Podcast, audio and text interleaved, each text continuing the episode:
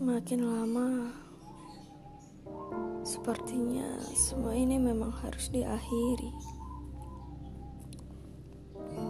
Untuk apa aku bertahan sendirian? Untuk apa aku berjuang hanya demi seseorang yang sudah tidak mau diperjuangkan? Untuk apa aku memaksakan? Padahal dia sudah tidak mau. Untuk apa aku menahan dia pergi?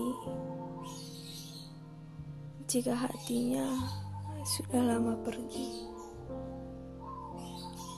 Terkadang berada di posisi ini membuatku jadi serba salah.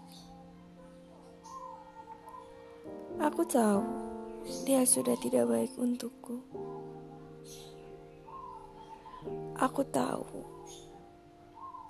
bahwa aku harus meninggalkannya. Dan aku tahu dia sudah tidak butuh aku, tapi dia tak berucap apa pun. Itu artinya aku yang harus mundur duluan.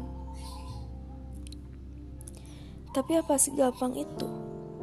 Mundur lalu melupakan semuanya.